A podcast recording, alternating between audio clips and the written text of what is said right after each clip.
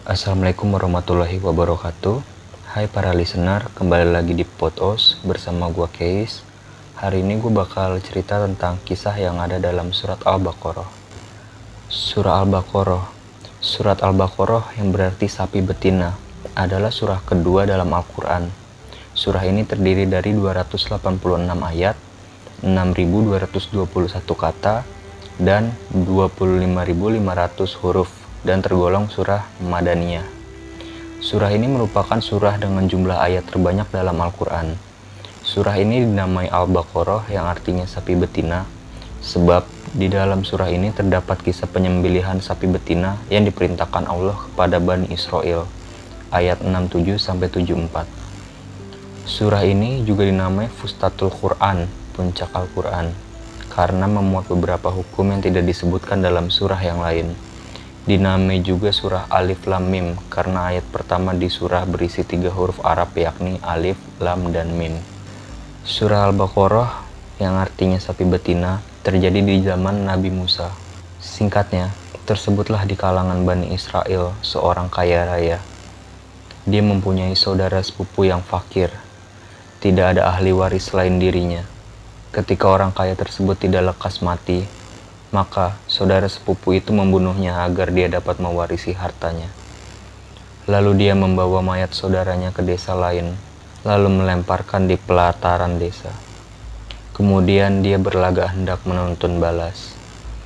Dia bersama orang-orang mendatangi Nabi Musa alaihissalam, lalu memohon kepada Nabi Musa alaihissalam agar berdoa kepada Allah Subhanahu wa taala supaya diberi keterangan mengenai pembunuhan orang tersebut. Kemudian Nabi Musa alaihissalam memerintahkan mereka agar menyembelih sapi dengan berkata kepada mereka, Sesungguhnya Allah menyuruh kamu menyembelih seekor sapi betina.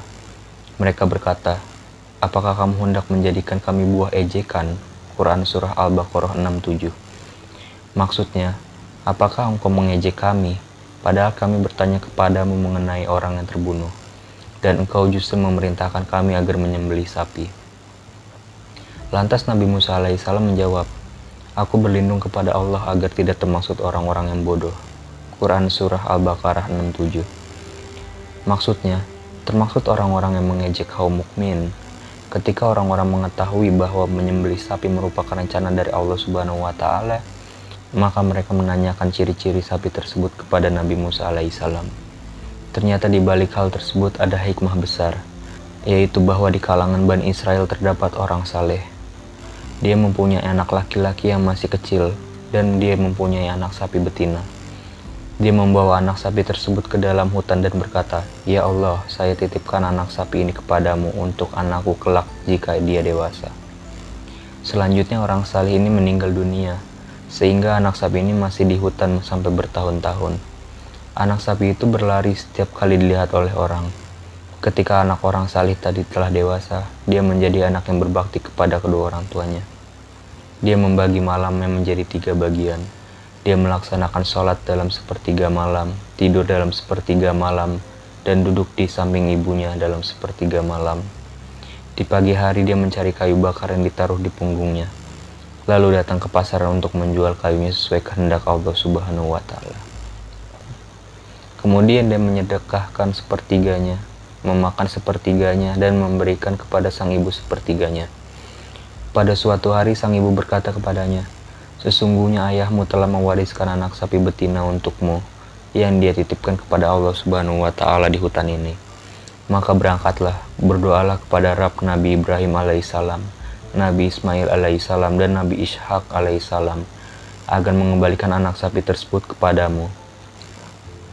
Ciri-cirinya jika engkau melihatnya, kamu membayangkan seakan-akan sinar matahari memancar dari kulitnya. Dia diberi nama Al-Mudzahbah karena keindahan dan kejernihannya. Kemudian anak tersebut memasuki hutan. Lalu dia melihat anak sapi dengan merumput. Lantas dia memanggilnya dengan mengatakan, saya bermaksud kepadamu dengan menyebut nama Rab Nabi Ibrahim alaihissalam, Nabi Ismail alaihissalam, dan Nabi Ishak alaihissalam Kontan sapi itu menengok ke arahnya dan berjalan mendekatinya sehingga sapi tersebut berdiri di hadapannya. Dia lalu memegang lehernya dan menuntunnya. Dengan izin Allah Subhanahu wa taala, tiba-tiba sapi tersebut bicara. Wahai anak yang berbakti kepada kedua orang tua, tunggangilah aku karena hal itu lebih meringankanmu. Anak tersebut berkata, Sesungguhnya ibuku tidak memerintahkanku melakukan hal itu, akan tetapi beliau berkata, peganglah lehernya. Sapi itu berkata, Demi Rab Bani Israel, jika engkau menunggangiku, niscaya kamu tidak dapat menguasaiku untuk selamanya.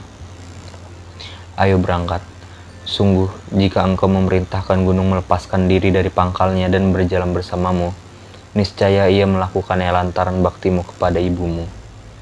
Lantas pemuda tersebut berjalan bersama sapi menemui ibunya. Sang ibu berkata kepadanya, Sesungguhnya engkau orang fakir, engkau tidak memiliki harta, engkau kerepotan mencari kayu bakar di siang hari dan melakukan kiamul lail di malam hari. Oleh karena itu, pergilah jual sapi ini. Si anak bertanya, saya jual dengan harga berapa? Ibunya menjawab, tiga dinar. Kau jangan menjual tanpa pertimbanganku. Harga sapi telah dipatok tiga dinar. Sang anak pun berangkat ke pasar. Lalu Allah Subhanahu wa Ta'ala mengutus malaikat agar dia melihat makhluknya dan kekuasaannya, sekaligus untuk menguji pemuda tersebut bagaimana baktinya kepada ibunya. Sungguh Allah Subhanahu wa Ta'ala mengetahui hal tersebut. Sang malaikat bertanya, "Kamu jual sapi ini dengan harga berapa?" Dia menjawab, "Tiga dinar dengan catatan ibuku meridoinya." Lantas malaikat berkata, Saya beli enam dinar, jika engkau tidak perlu meminta persetujuan ibumu. Pemuda itu berkata, Seandainya engkau memberiku emas seberat sapi ini pun, saya tidak akan mengambilnya melainkan dengan ridho ibuku. Kemudian dia membawa pulang sapi kepada ibunya dan menceritakan tentang harganya. Lalu sang ibu berkata, kembali lagi, jualah dengan harga enam dinar berdasarkan ridoku. Dia pun berangkat ke pasar dan menemui malaikat.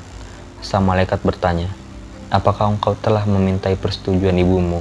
Pemuda itu menjawab, Beliau menyuruhku agar tidak mengurangi harganya dari enam dinar, dengan catatan saya meminta persetujuan ibu. Sang malaikat berkata, Saya akan memberimu 12 dinar. Pemuda itu pun menolak, lalu kembali kepada ibunya dan menceritakan hal tersebut kepadanya. Ibunya berkata, Sungguh orang yang mendatangimu adalah malaikat dalam bentuk manusia untuk mengujimu. Jika dia mendatangimu lagi, katakan padanya, apakah engkau memerintahkan kami untuk menjual sapi ini ataukah tidak? Pemuda itu pun melakukan hal tersebut. Lalu malaikat berkata, Kembalilah kepada ibumu dan tolong sampaikan padanya. Biarkanlah sapi ini.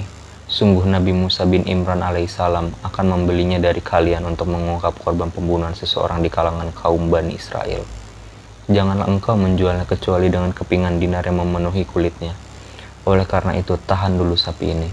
Allah subhanahu wa ta'ala memang menakdirkan orang-orang Bani Israel untuk menyembeli sapi itu. Mereka terus-menerus menanyakan ciri-ciri sapi tersebut dan ternyata ciri-ciri yang diberikan sesuai dengan ciri-ciri sapi pemuda salih tersebut. Hal ini merupakan imbalan bagi pemuda tersebut atas baktinya kepada sang ibu sebagai anugerah dan kasih sayang. Akhirnya mereka pun membeli sapi tersebut dengan emas penuh kulit sapi. Lantas mereka menyembeli sapi tersebut kemudian memukulkan bagian dari sapi kepada korban pembunuhan sebagaimana perintah Allah Subhanahu wa taala. Selanjutnya orang yang terbunuh bangkit, hidup lagi dengan izin Allah. Sedang urat lehernya masih mengalirkan darah. Lalu dia berkata, yang membunuh saya adalah Fulan. Kemudian dia jatuh dan mati di tempatnya. Maka si pembunuh terhalang mendapat warisan. Mungkin itu sedikit cerita dari surat Al-Baqarah yang dapat gue ceritakan. Sekian untuk sesi podcast kali ini. Wassalamualaikum warahmatullahi wabarakatuh.